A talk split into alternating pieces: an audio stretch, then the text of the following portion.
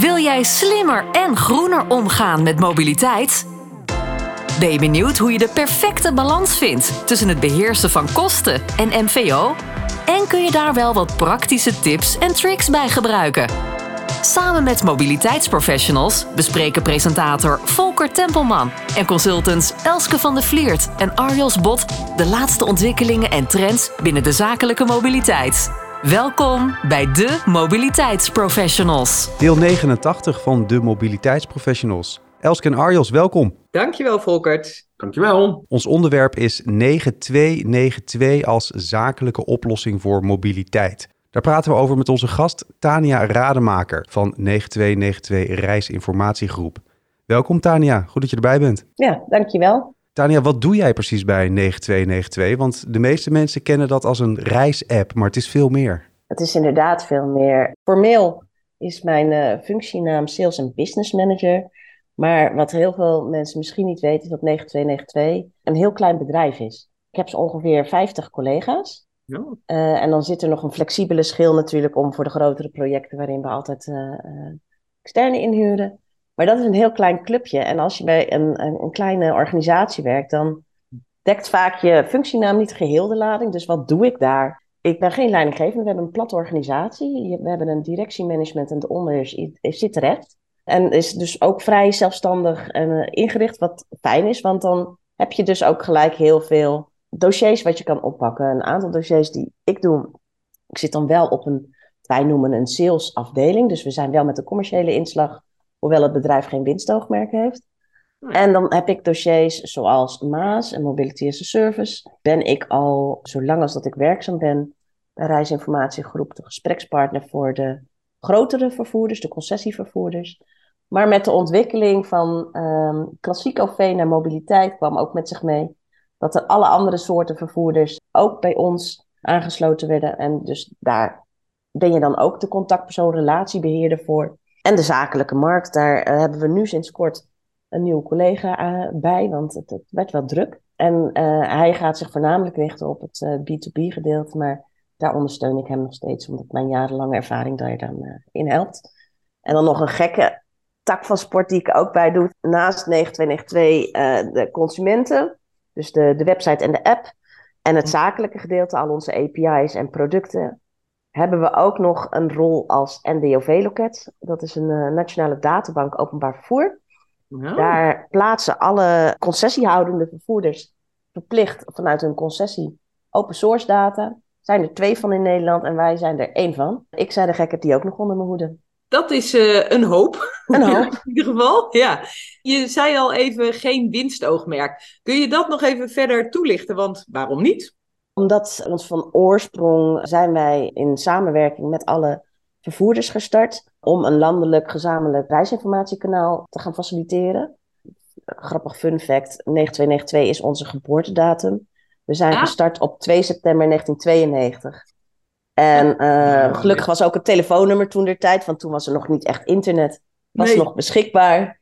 Uh, maar daar is het dus van, en daar komt dus ook het klassieke, uh, vroeger nog voor de oudgediende, het langgerekte logo vandaan met 9292. Ja. inmiddels zijn we een vierkantje met de cijfers onder elkaar. Ja. dus daar komt hij vandaan. En in gezamenlijkheid hebben we dan ook dus afgestemd van, goh, onze belangrijkste stap is de reisgroep 1. Uh, daarna de vervoerders en de sector tevreden houden. Hm. En als derde is dus inderdaad gewoon uh, dat wat we verdienen gaat terug de innovatie in. En over dat verdienen, want de concessiehouders en andere OV-bedrijven leveren dus informatie aan jullie aan, maar die betalen ook voor jullie zeg maar, als organisatie? Of Klopt, dat is één deel inderdaad van ons financieel model. Ja. Jaarbijdrage noemen we dat. Ja. En alle kleinere vervoerders die aangesloten zijn, betalen dat ook, maar dan naar RATO natuurlijk. En met onze aanvullende inkomsten proberen we zo de begroting rond te krijgen. Uh, en dat is voor ons de advertentieinkomsten op onze kanalen. Dat oh, speelt uh, mee. En we hebben daarna nog dus inderdaad het sales en business deel. Waarin wij uh, maatwerkopdrachten doen voor overheden, maar ons ook API-pakket en de vertrekwijzers het aanvullen. Kun je daar misschien wat meer over vertellen in de zin van, kan ik daar als werkgever wat mee? Ja, dat kan zeker. Um, onze core business is inderdaad reisinformatie verstrekken en dan met name het plannergedeelte. Daarin zit onze ja. Nou ja, inmiddels 31 jaar uh, ervaring in. Uh, en, en, kunnen we ook wel zeggen dat we dan echt soms tot, in het, tot het gaatje gaan van hé, hey, dit moet wel kloppen. We hebben één stelregel met alle partijen afgesproken dat het een onafhankelijk reisadvies moet zijn. En dat wil zeggen dat ons algoritme uh, duidelijk is. Wij geven altijd dat wat de reiziger invoert van naar het snelste reisadvies. Um, heel hoog op het verlanglijstje staat natuurlijk ook een keer om te kijken naar het goedkoopste, het meest comfortabel. Maar dan ga je al de niche-markt in. Dus het snelste reisadvies is voor de gemiddelde reiziger prima. En als je dat hebt als succesvol uh, kanaal voor consumenten, dan mm. kan je wat eronder zit, onze reisplanner, ook vermarkten. Um, en dan kan je daar zelf producten en diensten van maken. En dat hebben we gedaan door middel van uh, API's te verstrekken, maar mm -hmm. ook een paar um, om, om, om, omliggende uh, producten, uh, halffabrikaten die we ermee hebben gemaakt. En dan kan je dus als werkgever of als zakelijke partij die ook aan zijn bezoekers, werknemers of whatever um, reisinformatie wil verstrekken of aanverwanten, dat gebruiken. Je kan het gebruiken in je eigen kanalen. Je kan het gebruiken in uh, intranetoplossingen. Ja. Uh, maar je kan het ook gebruiken uh, nog dieper in bepaalde tooling. Um, zo hebben we bijvoorbeeld een afnemer van ons die gebruikt het om, die verstrekt chauffeursdiensten door middel inzet van studenten. En die gebruikt het dan om de juiste um, chauffeur te matchen met, met, met de vraag die er is. Oh. En dat is dus onder water wordt het ook gebruikt op basis van snelste Of leerlingen matchen met een stageplekken. Ja. Dat soort dingen. Dus er zijn verschillende toepassingen mogelijk als het maar iets met uh, reisinformatie van, de, van doen heeft. Luister naar de mobiliteitsprofessionals en hoor van mobiliteitsprofessionals de laatste ontwikkelingen en trends binnen de zakelijke mobiliteit. Je zei al van uh, alle concessiehouders, dus de OV-bedrijven, dus uh, de connections en zo van deze wereld zijn aangesloten. Er zijn ook steeds meer kleinere aanbieders. Dan denk ik aan de deelscooters en dat soort zaken. Zijn er nou, mis je nog nog partijen of, of, of is echt iedereen aangesloten? Hoe moet ik dat zien? We missen altijd partijen, want dat is het mooie van onze sector. Uh, Die is flink in ontwikkeling. Wat uh, als je praat over zeg maar 15 jaar geleden, dan dacht je nog niet eens aan deelfietsen, deelscooters. Nee. Maar dan kregen we soms wel eens van een reiziger van uh, de feedback van hé, hey, maar ik sta hier en ik pak echt altijd dit busje, maar die zit er niet in. Nou, dan gingen wij uitpluizen, oké, okay, wie is het? En dan kwam je dus inderdaad bij een lokale uh, buslijn of uh, um, een veerpont die er ook nog wel eens kan zijn. En dan gingen we die ook kijken of daar uh, op een gestructureerde manier data te verzamelen was om die toe te voegen. Nou ja, en later, zeker nu, zijn dat dan inderdaad de deelfietsen, deelscooters geworden. En ook daar hebben wij nog een verlanglijstje, want de deelauto's zitten nog niet bij ons.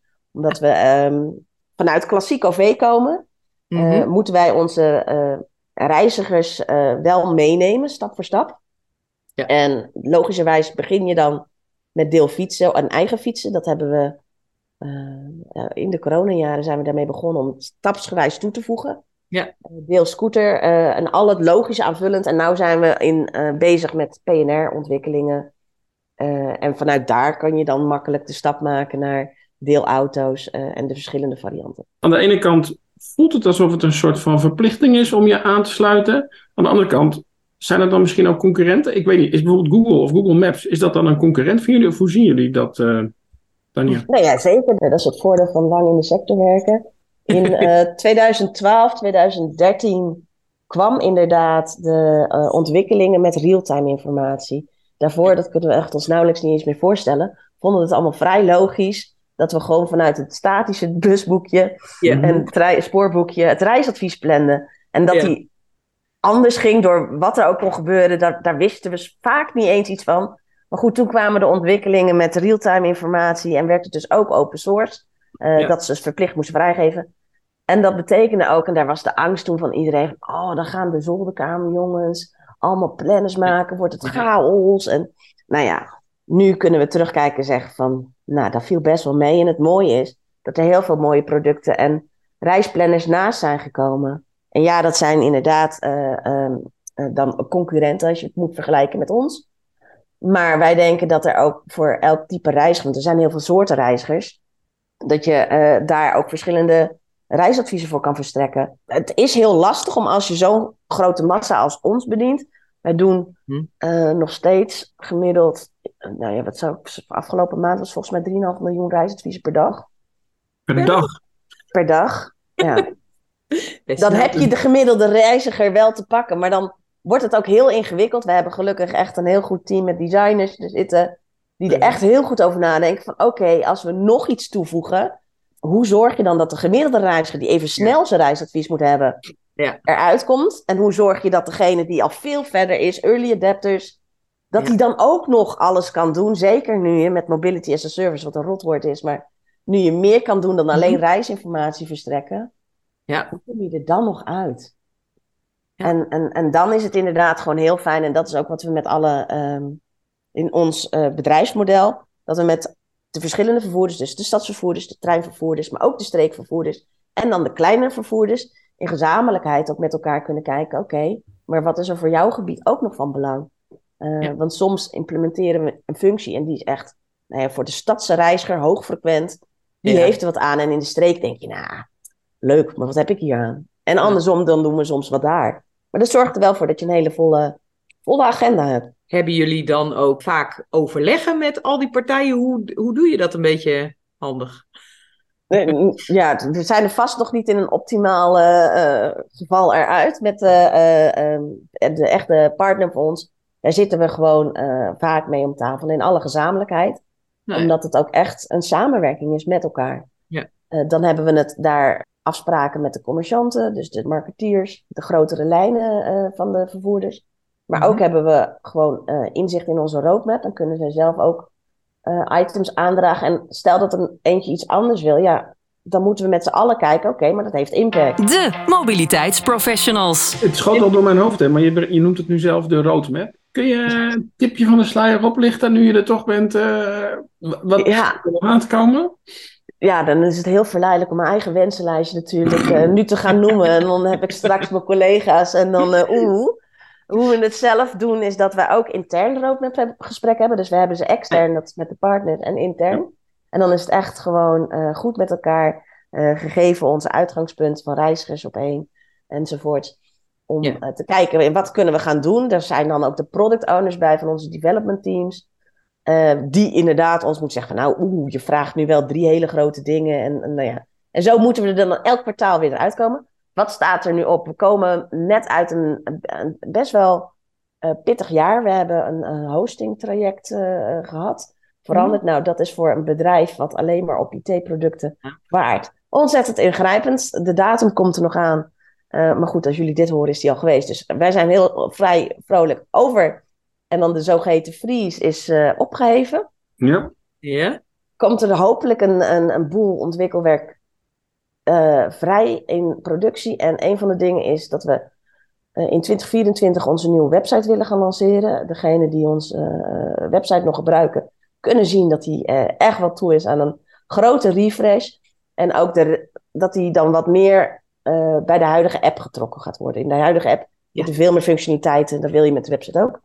En op productgebied hebben we nu best wel wat van die saaie ontwikkelingen doorgemaakt. Dat het onder water of technisch is het allemaal heel makkelijk opschaalbaar en snel uit te rollen.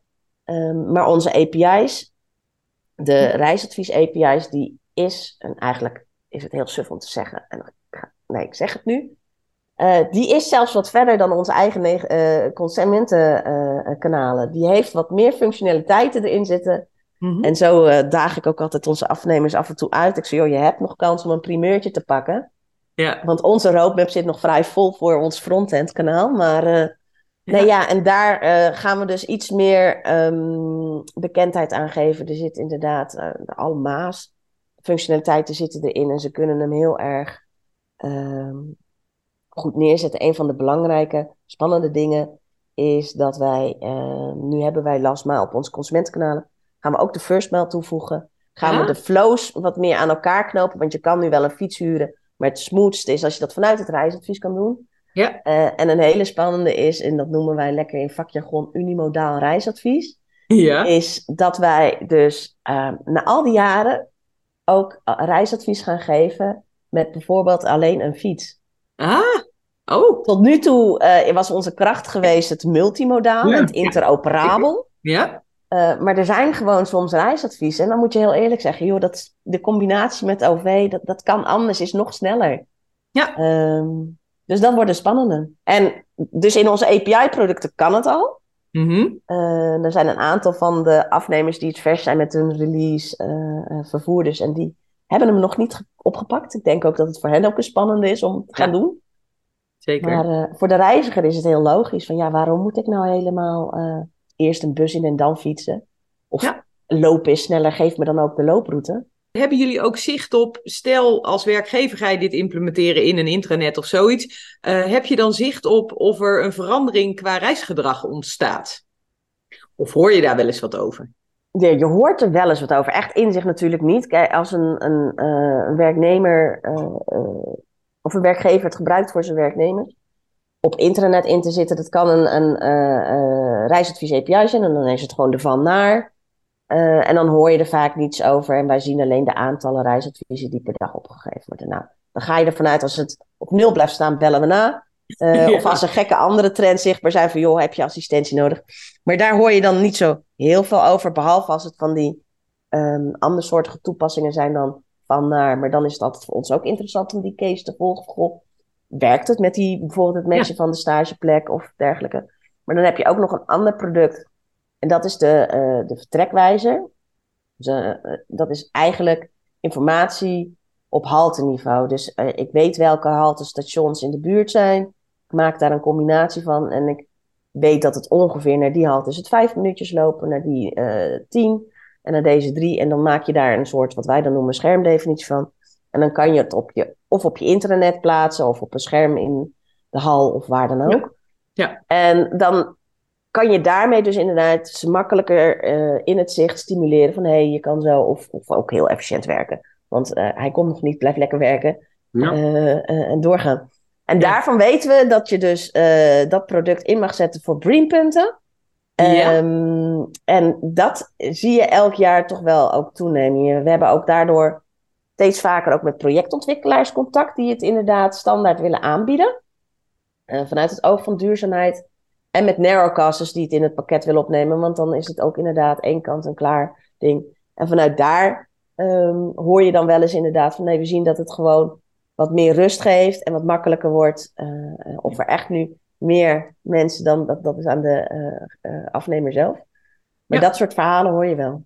Ja, een BREEAM voor de luisteraars die dat niet kennen, dat is een certificering als je gaat eh, verduurzamen bij bijvoorbeeld de bouw van een nieuw gebouw. Dus ja, nou ja, dat je daar punten voor krijgt, zegt in ieder geval wel iets. En eh, zeker als je hè, medewerker bent, eh, dus je weet ook hoe de rest van je reis eruit ziet, dan is het natuurlijk heel handig om te weten hoe dat eerste stuk van die reis, zeg maar, gaat die bus of niet, of heeft die vertraging? Want je weet wel hoe de rest van de reis eh, eruit ziet. Wil jij slimmer en groener omgaan met mobiliteit?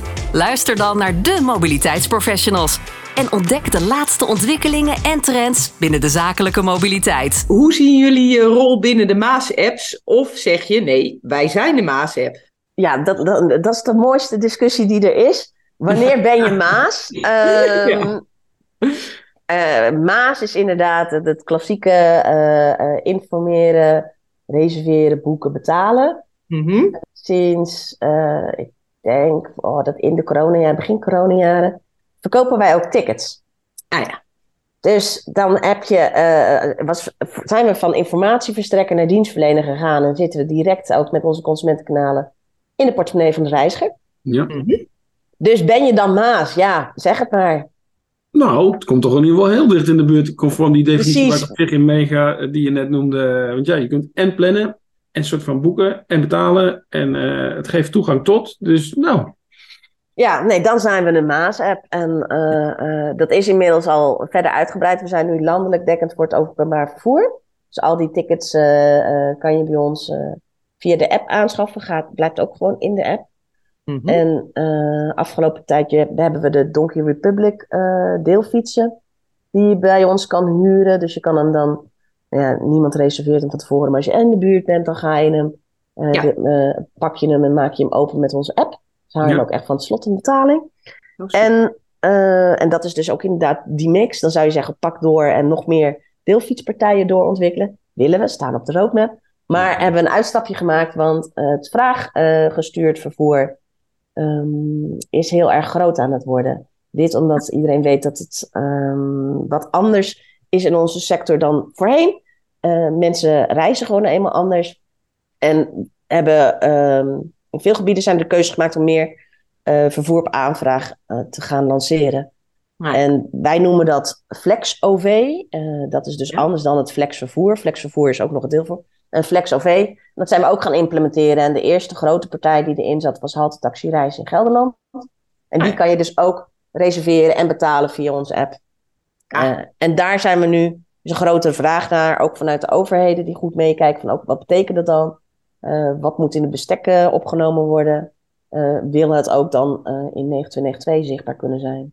Ja. ja, dat is fijn zeg, want ik vind, ja, ik heb de luxe dat ik geen vraaggestuurd OV zeg maar hoef te gebruiken, omdat ja hè, hier zit ik, is voldoende OV. Maar ik vind het altijd wel ook een drempel. Dat ik denk, uh, oh, dan moet je dat helemaal aanvragen. En gaat het dan goed en zo. En dan, als je een partij hebt die je al vertrouwt, hè, dan is ja. dat uh, geruststellend.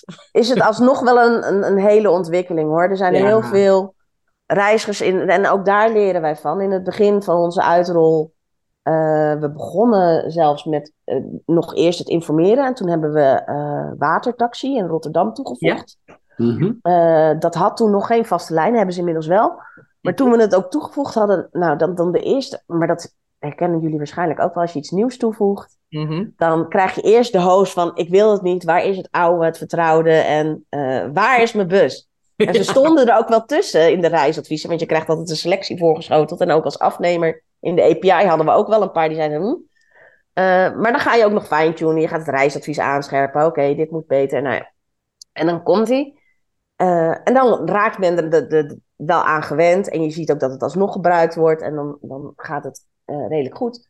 Uh, toen er meer Flex OV toegevoegd werd, toen was het voor sommigen ook nog wel heel erg wennen. Want ondanks dat de reiziger in zijn privéwereld heel erg gewend is aan eten bestellen, televisieprogramma's hmm. bestellen, vervoer bestellen is op een of andere manier nog heel gek. Ja. En inmiddels hebben wij ervoor gekozen om in onze functiesveld een knop toe te voegen van vervoer op aanvraag aan of uit. Staat nu nog default aan, maar je kan het ook heel makkelijk uitzetten. Dan heb je gewoon uh, het klassieke openbaar vervoer zonder vervoer waar je iets voor moet doen. Ja. en dan kan je nog wel je deelfiets, deelscooter eraan toevoegen, maar dan heb je in ieder geval niet vervoer waar je een handeling voor moet verrichten, namelijk reserveren of bellen. Ja.